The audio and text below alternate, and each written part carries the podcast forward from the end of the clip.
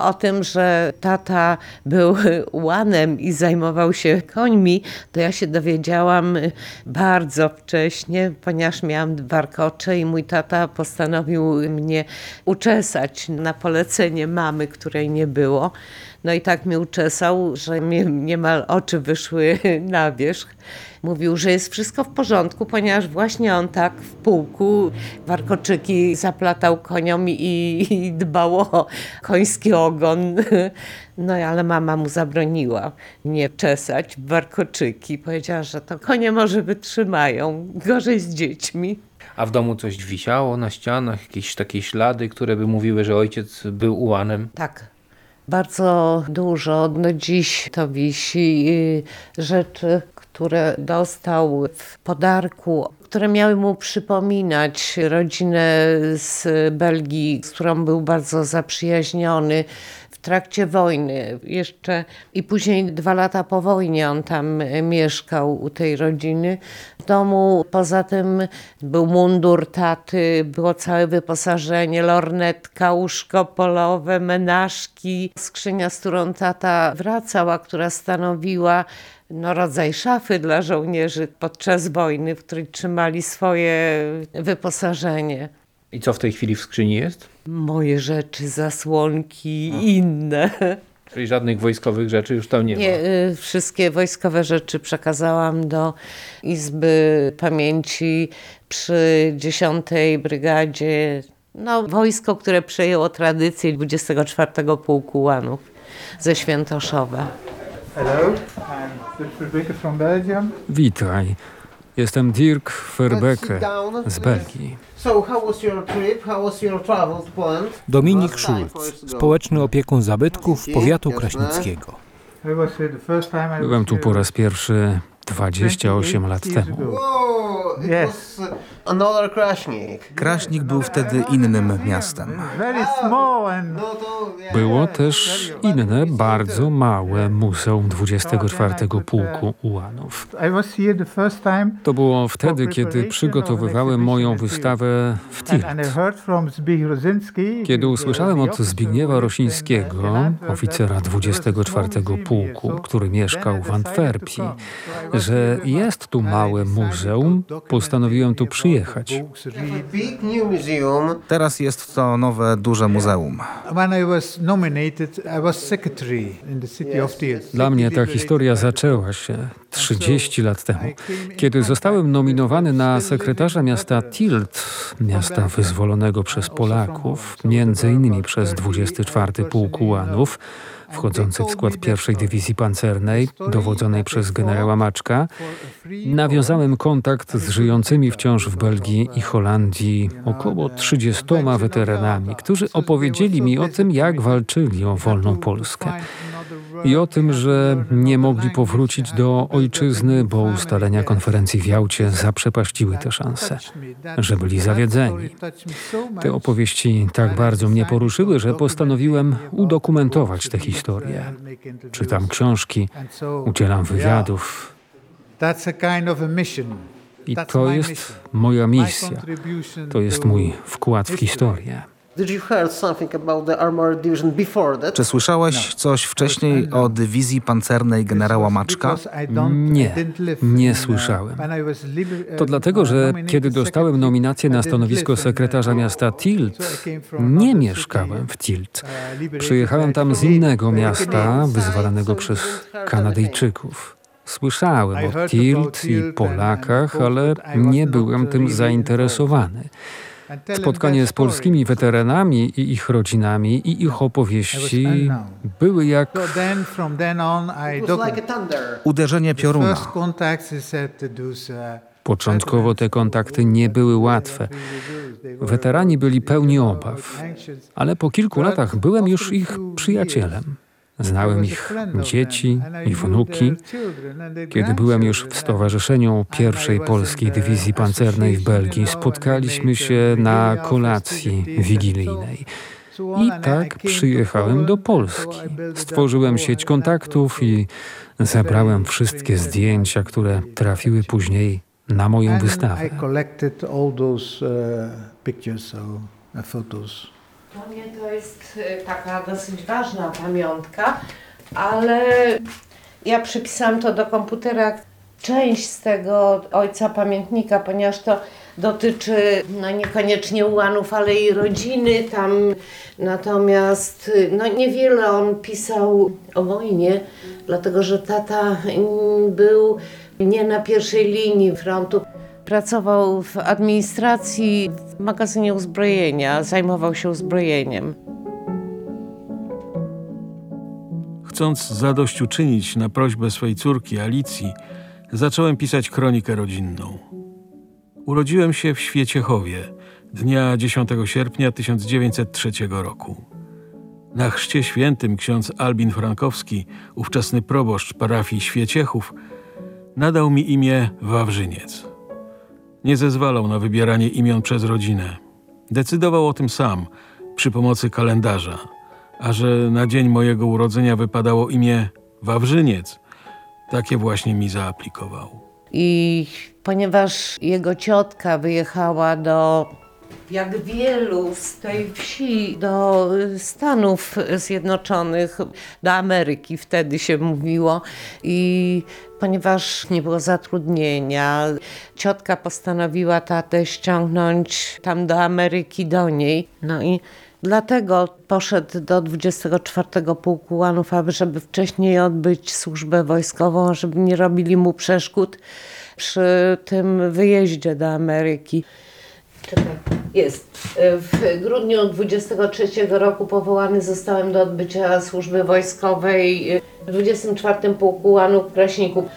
Po odbyciu obowiązkowej służby wojskowej zaproponowano mi pozostanie w tej jednostce w służbie zawodowej, nie mając żadnych innych W lipcu perspektyw. 1927 roku wysłano mnie z jednym kolegą do szkoły podoficerów zawodowych kawalerii w Jaworowie, niedaleko Lwowa, na okres sześciu miesięcy. Jednak nie byłem z tego zadowolony. Trzeba było bowiem odjechać z Kraśnika, a ja jesienią 1926 roku poznałem dziewczynę, która mi się podobała i w niej się zadłużyłem. Zakochał się. Jaka to miłość była? chyba bardzo ważna, to późniejsza jego żona. No chyba do końca on tak mocno wspominał. Zresztą no, z tego związku był później y, mój brat przyrodni. Później po ślubie zamieszkali tutaj, to była część posiadłości, ogród i jakiś domek żony taty. Ona dostała to od swojego ojca. W 1939 roku, kiedy to już mówiono dużo o wojnie, wyjechałem do Rzeszowa, gdzie przebywał pułk. Już do Kraśnika nie wróciłem. Ostatni raz widziałem się ze Stefcią 10 sierpnia 1939 roku, kiedy to przyjechała do mnie do Rzeszowa na moje imieniny. Nie przypuszczałem wówczas, że tak bardzo kochanej osoby już więcej nie zobaczę. W ostatnich dniach sierpnia 1939 roku, kwaterując w Skawinie pod Krakowem, wyznaczony zostałem na kasjera pułku. Skierowany zostałem do szefa intendentury w Krakowie, gdzie wydano mi skrzynię z zawartością, nie pamiętam jakiej wartości banknotów. Wcześnie rano dnia 1 września 1939 roku, po zaalarmowaniu bombardowaniem lotniczym, rozpoczął się dla mnie nowy etap życia.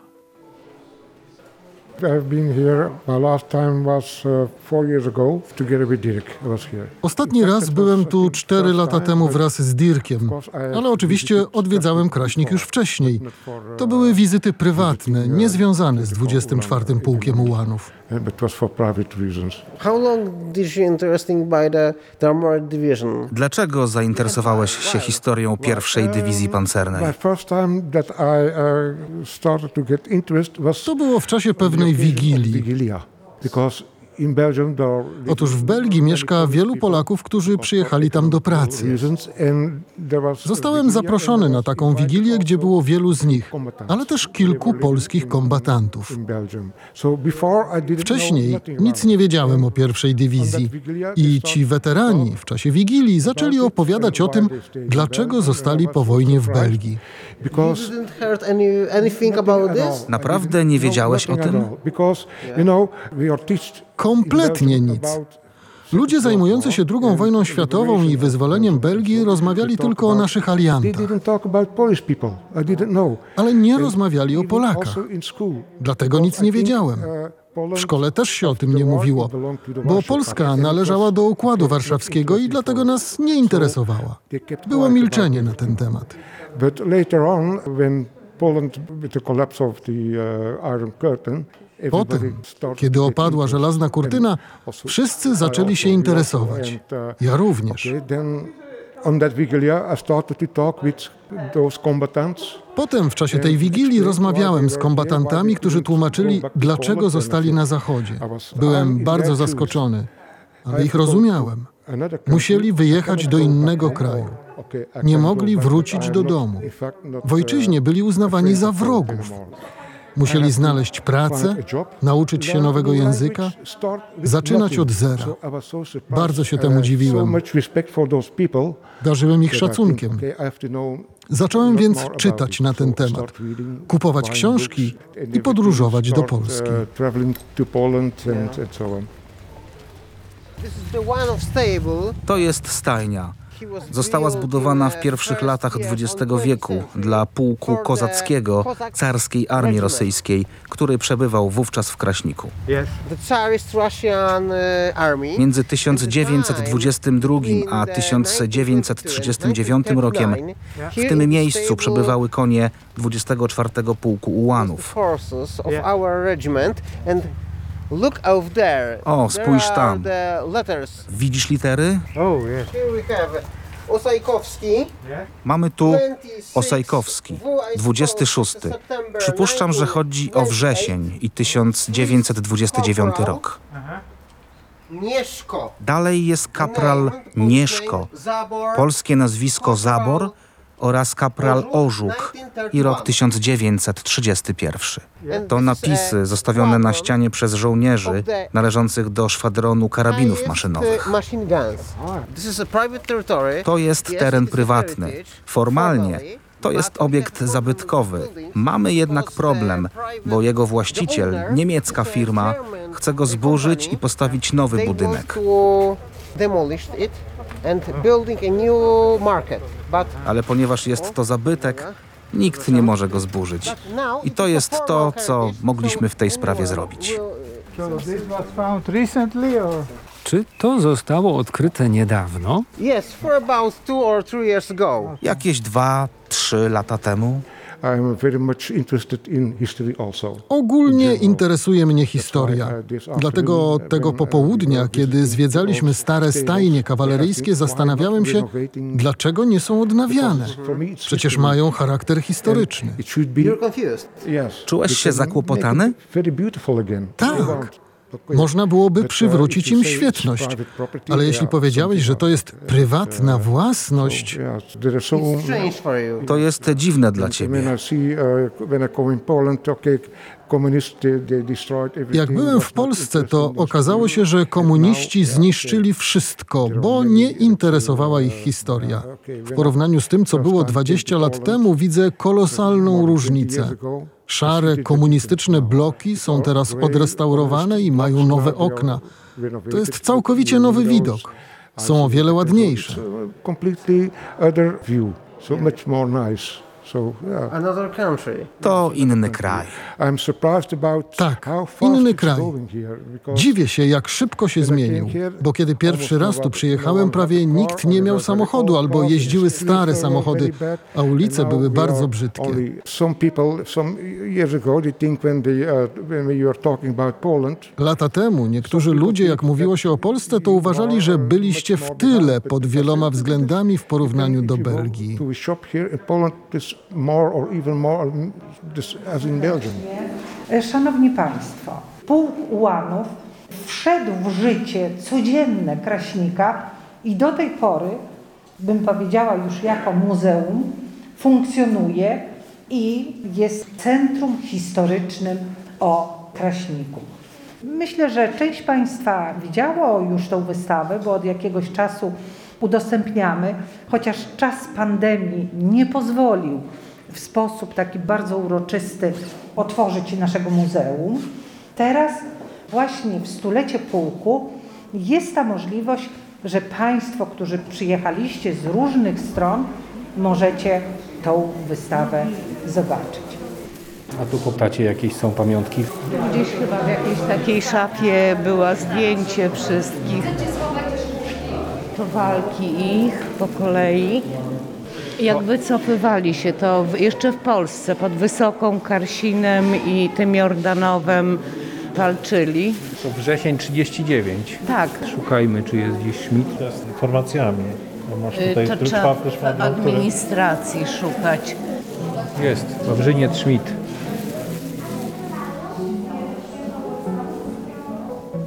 Od 1 do 18 września znajdowałem się z pułkiem w składzie 10 Brygady Kawalerii pod dowództwem pułkownika Maczka, który był stale w akcji, staczając cztery bitwy i sześć potyczek opóźniających.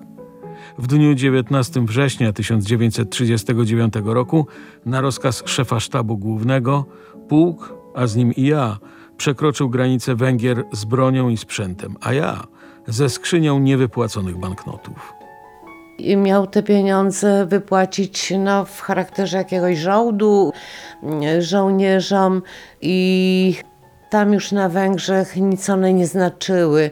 Były tylko papierem i tam ich przebrano przy pomocy Węgrów i ambasady polskiej w cywilne stroje.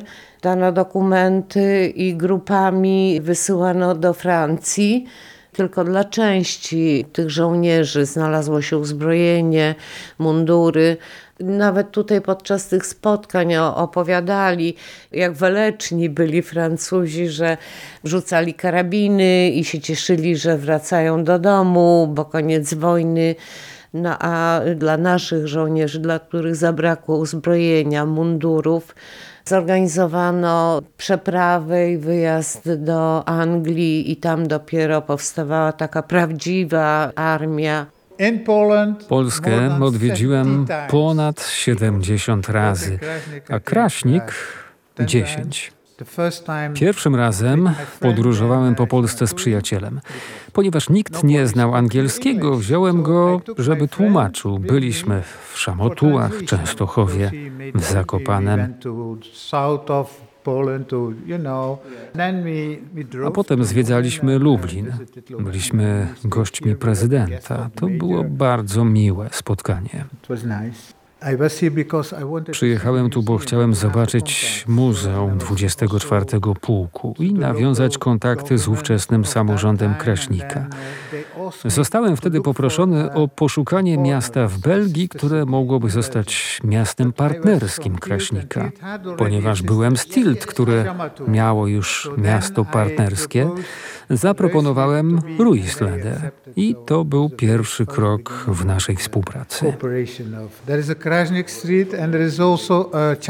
Obecnie nazwę Kraśnik Street nosi jedna z ulic w Ruislede, wyzwalanym przez pierwszą dywizję. Jest też kaplica pokoju, wzniesiona tuż po wojnie, w której umieszczane są tabliczki z nazwiskami polskich żołnierzy, którzy tam zginęli. Z kolei w moim mieście rodzinnym, Tilt, mamy o wiele więcej pamiątek. Mamy pomnik generała Maczka w centrum miasta, stoi czołg Sherman Firefly z zaznaczeniami służby w 24 Pułku Ułanów. Mamy również bramę świętego Stanisława, twojego polskiego świętego. From the 11th century. Z XI wieku. Jest też kaplica Matki Boskiej Częstochowskiej i są witraże. To duży cmentarz. To duży i stary cmentarz, założony w 1839 roku. Największy cmentarz w całym regionie. Spójrzmy na tablicę.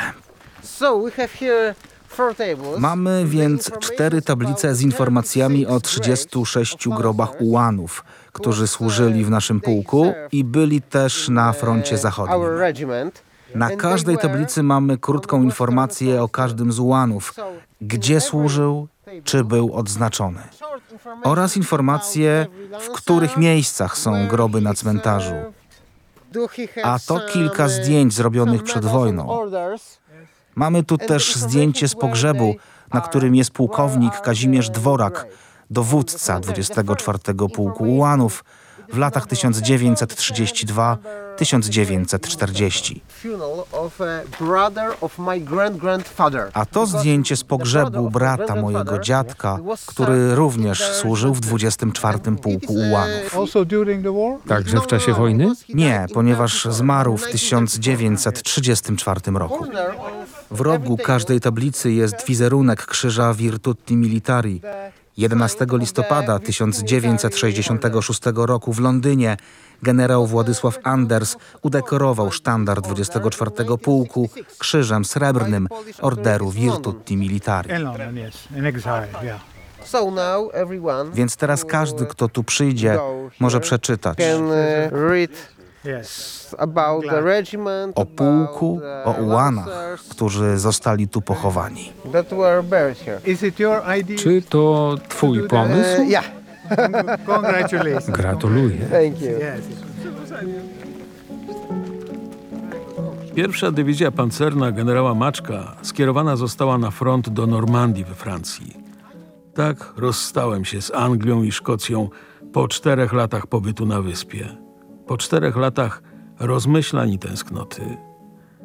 Na parę dni przed wyjazdem na kontynent dotarła do mnie wiadomość, że Stefcia nie żyje.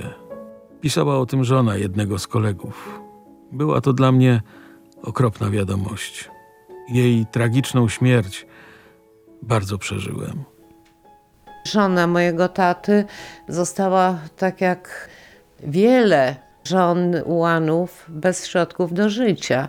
Nie pracowały, więc jedynym źródłem utrzymania był żołd ojca.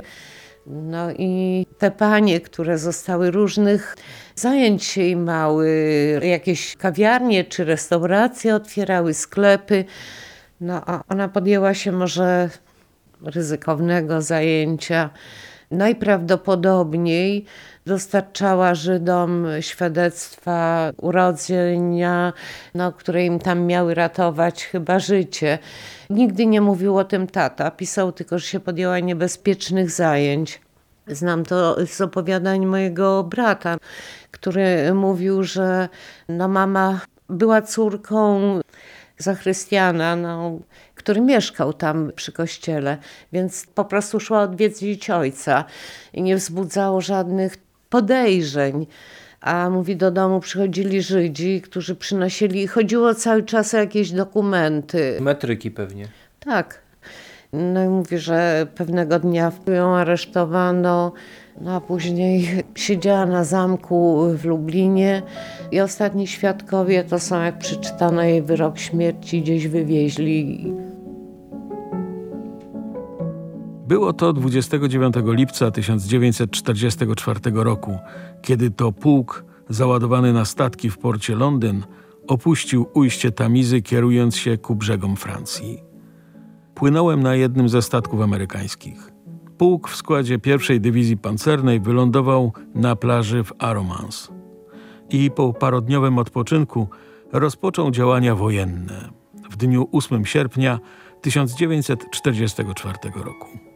Potem brałem udział z pułkiem w walkach na terenie Francji. Na terenie Holandii zdobyto duże miasto Breda, gdzie znajduje się duży cmentarz polskich żołnierzy poległych przy wyzwalaniu tego kraju. Zarząd miejski tego miasta podczas święta pułkowego przekazał siedem dyplomów przyznających żołnierzom 24 pułku, a między innymi mnie, obywatelstwo honorowe tego pięknego miasta. Szlak bojowy zakończyłem na terenie Niemiec przy zdobywaniu bazy niemieckich łodzi podwodnych miasta Wilhelmshaven. Kapitulację tego miasta przyjmowali Polacy.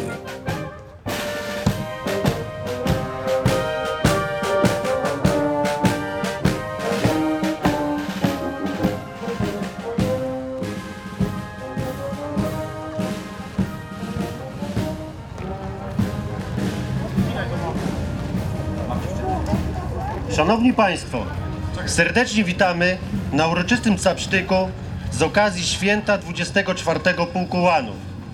Dzisiejszy dzień jest dniem uroczystym dla wszystkich mieszkańców Kraśnika oraz żołnierzy 24 Batalionu Łanów 10 Brygady Kawalerii Pancernej ze Świętoszowa. 24 Batalion Łanów kultywuje tradycję 24 Pułku Łanów imieniem hetmana wielkiego koronnego Stanisława Żółkiewskiego. Pokrótce przedstawię przebieg dzisiejszej uroczystości. Uh, Książka, którą napisałem, która uh, ukazała się w zeszłym roku, jest przeznaczona dla czytelników, którzy nic nie wiedzą o pierwszej dywizji pancernej generała Maczka.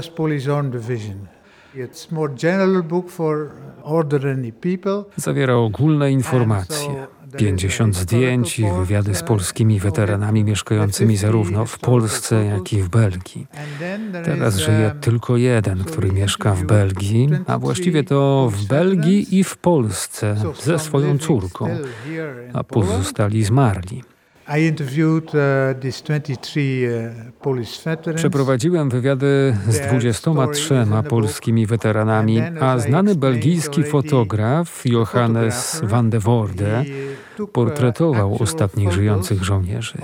Wysłuchał ich wciągających opowieści i wyruszył uzbrojony w aparat fotograficzny.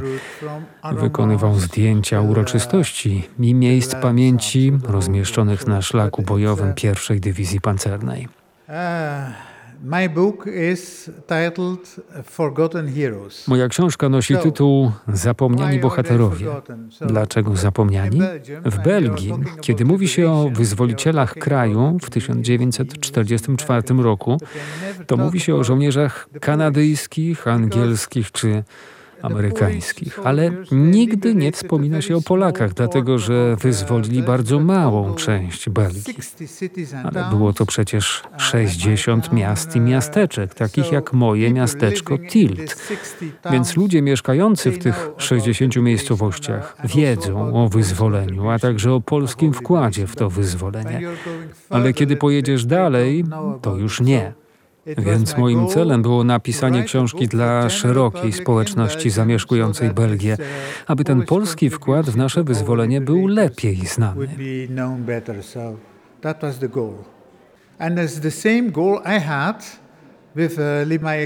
I taki też był cel mojej wystawy.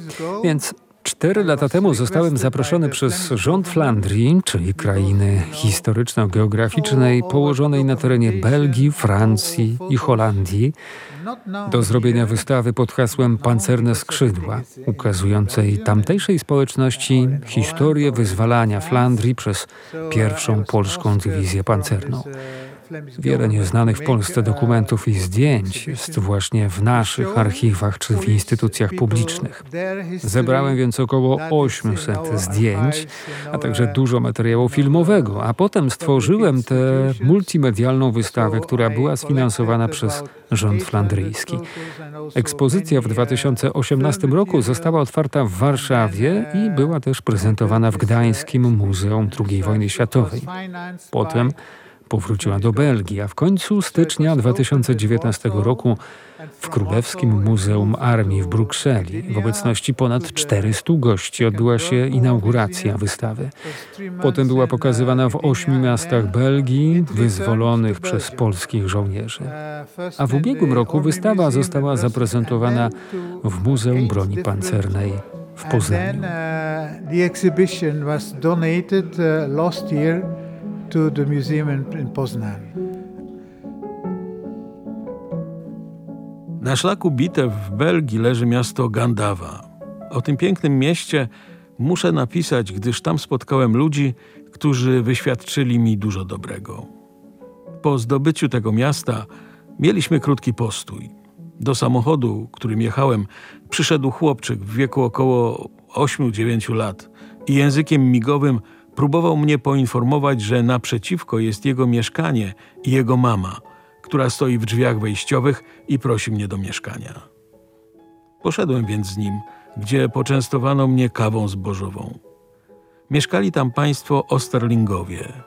Pod wieczór Chłopczyk ten przyszedł do mnie z ojcem, który zaoferował mi nocleg. Nie skorzystałem z oferty, ponieważ miałem już inną. Na drugi dzień wyjechałem w świat. Poszedł razem z wojskiem i po pewnym czasie dostał list od nich, że dlaczego on na przepustkę nie przyjedzie. No i zaczął tam y, przyjeżdżać, przyjaźnić się z nimi. Oni mieli fabrykę szkła jakiegoś porcelanowego, luster, okularów. No i tata tam był księgowym u nich w firmie. No traktowali go chyba jak członka rodziny. Później nawet wziął urlop bo tak mu doradzili jego dowódcy, żeby jeżeli chce, to może być tam urlopowany i przeniósł się tam już po zakończeniu wojny do Gandawy. Zamieszkał u tych ludzi, później wynajął sobie sam w trakcie pracy mieszkanie. Państwo Osterlingowie mieli dwóch synów. Młodszy z nich zwracał się do mnie Uncle Schmidt, co znaczyło wujek Schmidt. W czasie mojego pobytu u nich młodszy chłopiec przystępował do Komunii Świętej i z tej racji było przyjęcie, na którym wśród gości byłem i ja. W tym czasie w Belgii mięso i jego przetwory były racjonowane, a ci moi Belgowie z tych racji nie korzystali, lecz zaopatrywali się w mięso na czarnym rynku. Mimo to wyżywienie było bardzo dobre. Codziennie było mięso, za wyjątkiem piątku, kiedy zamiast mięsa była flądra. W niedzielę na zmianę królik albo kura. Tam poznałem, jak bardzo smakuje królik. Dlatego wolałem tę niedzielę z królikiem. W niedzielę około godziny 11 po powrocie z nabożeństwa w katedrze była lampka wina i ciasta. A po tym około godziny 13 obiad. Później wyjazd samochodem nad morze. Kombaj, basosz! Za mną! Marsz!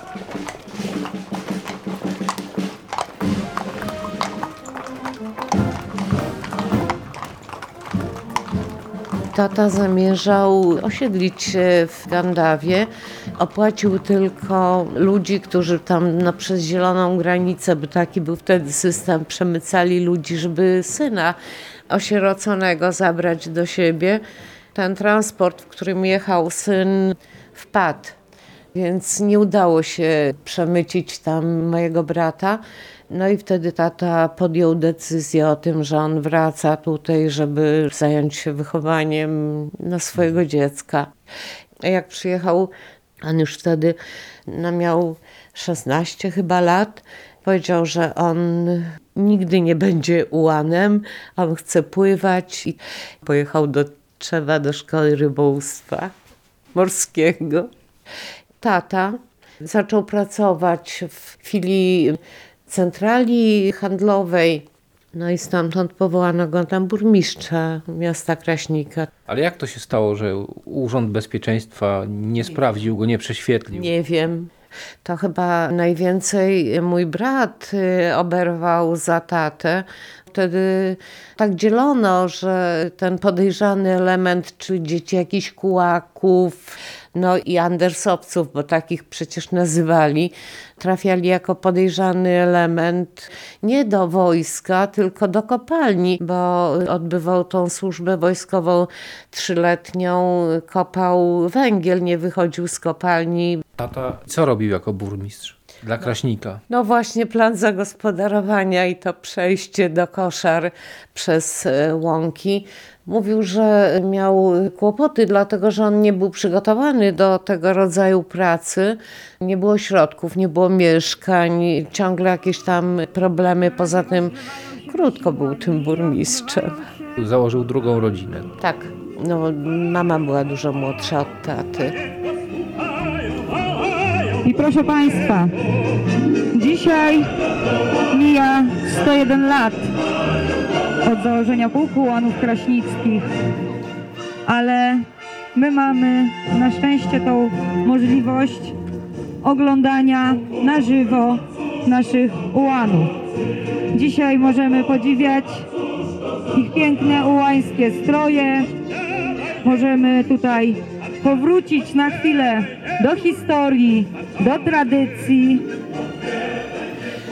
chyba inicjatorem tego święta pułkowego był pan Rusek, kiedy spotkali się w sześciu, pięciu tych z Kraśnika jakiejś tam y, restauracji, żeby powspominać te czasy, kiedy byli w pułku, bo pułk już nie istniał, nie istniało też święta pułkowe i w dniu tego święta pułkowego, żeby wypić to za pułk.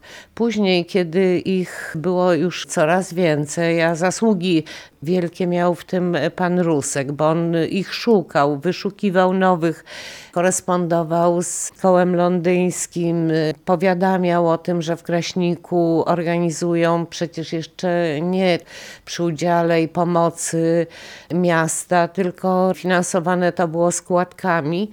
No i było ich coraz więcej, więc te święta pułkowe zaczęły być u nas w domu. Później, kiedy rozrosło się to już na tyle, że nasz dom by chyba nie pomieścił ich, organizowali je w wynajętych jakichś lokalach. Natomiast po tych świętach pułkowych u nas w domu spotykali się podoficerowie. To były rozmowy niemalże do białego rana. Jakie to były lata mniej więcej? 70., 80. Wiedziałam, że dla niego święto pułkowe, koledzy to były no coś, co było ważne, co on y, przeżywał emocjonalnie, bo w czasach, kiedy miał już kłopoty z chodzeniem, to przy pomocy laski mamy na święto pułkowe trzeba było pójść. Później tata dostał wylewu i trzeba było go zabrać do szpitala. W tym czasie taty kolega, pan Teper, już bardzo słabo chodził. I wnuki na trzecie piętro go wyprowadzili, żeby zobaczył się z tatą, bo on uważał, że powinien, bo kolega z pułku i stanął koło taty i powiedział, że słuchaj, ja ci daję rozkaz i tobie nie wolno umierać. I mój tata, który miał sparaliżowane pół ciała, tą jedną ręką zaczął podnosić do głowy i salutować. Ci ludzie na tej sali razem ze mną, mężczyźni, zaczęli wychodzić, bo dla nich to jest coś niesamowitego. No i później pogrzeb taty i później jest taki zwyczaj, który dotyczył niemal wszystkich tych ułanów, że w drodze na cmentarz zatrzymują się przy tym pomniku chwilę, przy kościele, tym pomniku ułańskim, tej tablicy. Szanowni Państwo, po raz kolejny w dniu tak szczególnym dla nas, jak święto pułkowe, spotykamy się po mszy świętej za poległych i zmarłych ułanów pod naszym pomnikiem 24 Pułku Ułanów. Bardzo proszę Jego Ekscelencję Luka Jakobsa, pana ambasadora Królestwa Belgii o zabranie głosu. Od 20 lat trwa partnerstwo pomiędzy Krasnikiem a belgijskim Reisleden. Partnerstwo tych dwóch miast pokazuje na szerszą skalę relacje pomiędzy naszymi państwami. Tak jak podczas II wojny światowej byliśmy prowadzeni w wspólnej walce, tak dzisiaj jesteśmy prowadzeni w ramach pokojowego projektu, jakim jest Unia Europejska, która wyznacza nam nowe wspólne cele na przyszłość. Przyszłość, która wspólnie budujemy każdego dnia, również celebrując odwagę i waleczność bohaterów z przeszłości, tak jak dzisiaj przy okazji setnej rocznicy powstania 34 Pułku Ułanów oraz inauguracji nowego muzeum poświęconego historii pułku. Tata mnie bardzo prosił, a może ty byś pojechała te miejsca, gdzie ja walczyłem, to byś zrobiła mi zdjęcia, to ja bym to zobaczył, ale w tym czasie były jeszcze atrakcyjniejsze miejsca niż niewielkie miejscowości we Flandrii. I ponieważ tak się złożyło, że w rodzinie mam Belga, to Kiedy moja rodzina z tym Belgiem przyjechała tutaj do Polski, ja ich zaprowadziłam, żeby im pokazać Muzeum 24 Pułku. Mój kuzyn, ten Roni, był no, zaszokowany tym, co zobaczył. Opowiadałam mu wtedy o tej Gandawie i on wziął ode mnie wszystkie dokumenty, łącznie z tym opisem, co tam tata robił i gdzie chodził, i co jadł, i co mu się podobało. No i potem zadzwonił do mnie, przyjeżdżaj, ja już te miejsca znalazłem. Tłumaczył, że część już nie istnieje, ale budynek istnieje, ale on znalazł to. I jak wyjeżdżała nasza delegacja na obchody wyzwolenia Tilt, prosiłam ich, żeby mnie zabrali ze sobą, a ja w tym czasie mogłam wykorzystać trzy dni na zwiedzanie Gandawy śladami taty. Tilt na przykład spotkała nas pani powyżej osiemdziesiątki, która jak usłyszała, że my po polsku rozmawiamy, to powiedziała, że ona miała 16 lat, jak wyzwalali Tilt i babcia z nami biegała po Tilt, żeby nam całe pokazać koniecznie i tam opowiadała. No poza tym chyba chcą to pamiętać. Żałowałam tylko, że to tak późno i że już nie mam komu pokazać tych zdjęć bo myśmy mieli tam te pamiątki ze sobą taty. Mój kuzyn jeszcze mówił, żeby zapukać tam do tych ludzi i oddać im. No ale nie wiadomo, czy oni tu już mieszkają pod tym, a poza tym no, nie wypada tak do ludzi gdzieś tam. Szukaliśmy miejsc, nie ludzi. O. I na koniec chciałbym wspomnieć osobę, która jest z nami po długim czasie, a mianowicie pana Dirka Versbecke, byłego sekretarza miasta Tilt, niestrudzonego piewcy chwały oręża 24 Pułku Ułanów i Dywizji generała Maczka. To dzięki Dirkowi na początku lat 90. nawiązaliśmy współpracę z sąsiednim miastem, z Riselede. Dziękuję serdecznie, że pan jest z nami. Ala, gdzie siędziecie? Może weźmiemy tę fotę, przesuniemy, co? Ewentualnie przyniesiemy jeszcze więcej krzesła z tamtego pokoju. Oh, you made by, by Wy widzieliście się w Field. Kiedy to było? W 2009 roku. 12 lat temu. You met her in Field. Pisaliśmy do siebie. Powiedziałeś, że chcesz mnie poznać. To jestem.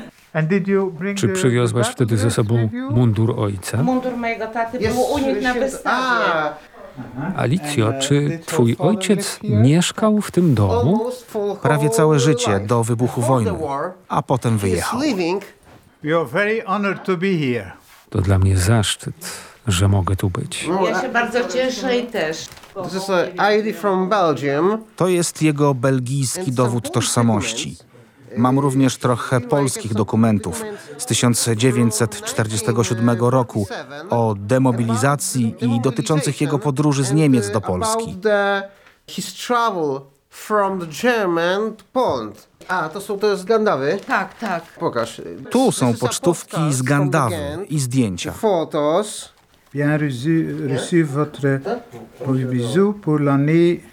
Your father, he did understand French. Twój ojciec rozumiał francuski, ponieważ rodzina Osterlingów pisała do niego po francusku. Jak pracował tam, to język mu był niezbędny, bo był księgowym u tych Osterlingów. Poszukam w Belgii jakichś osób z rodziny Osterlingów I powiem im, że ktoś z Kraśnika wciąż interesuje się ich historią. Ze Szkocji i innych krajów zachodniej Europy Wawrzyniec przywiózł ze sobą dwa albumy ze zdjęciami.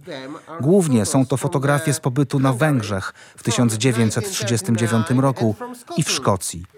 Spójrz, to są oryginalne zdjęcia.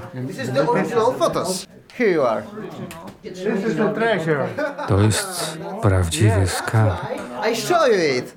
You have to scan it and send it to me. Musisz zeskanować mi te For my zdjęcia second book. i wysłać mailem. Przydadzą mi się przy pisaniu kolejnej książki. It's nice you have all those documents. Fajnie, że masz te wszystkie dokumenty.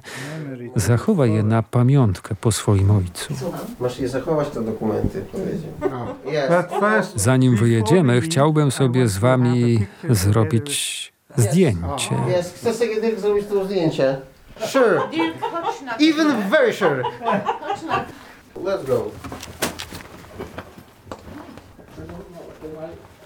Jeździł o tym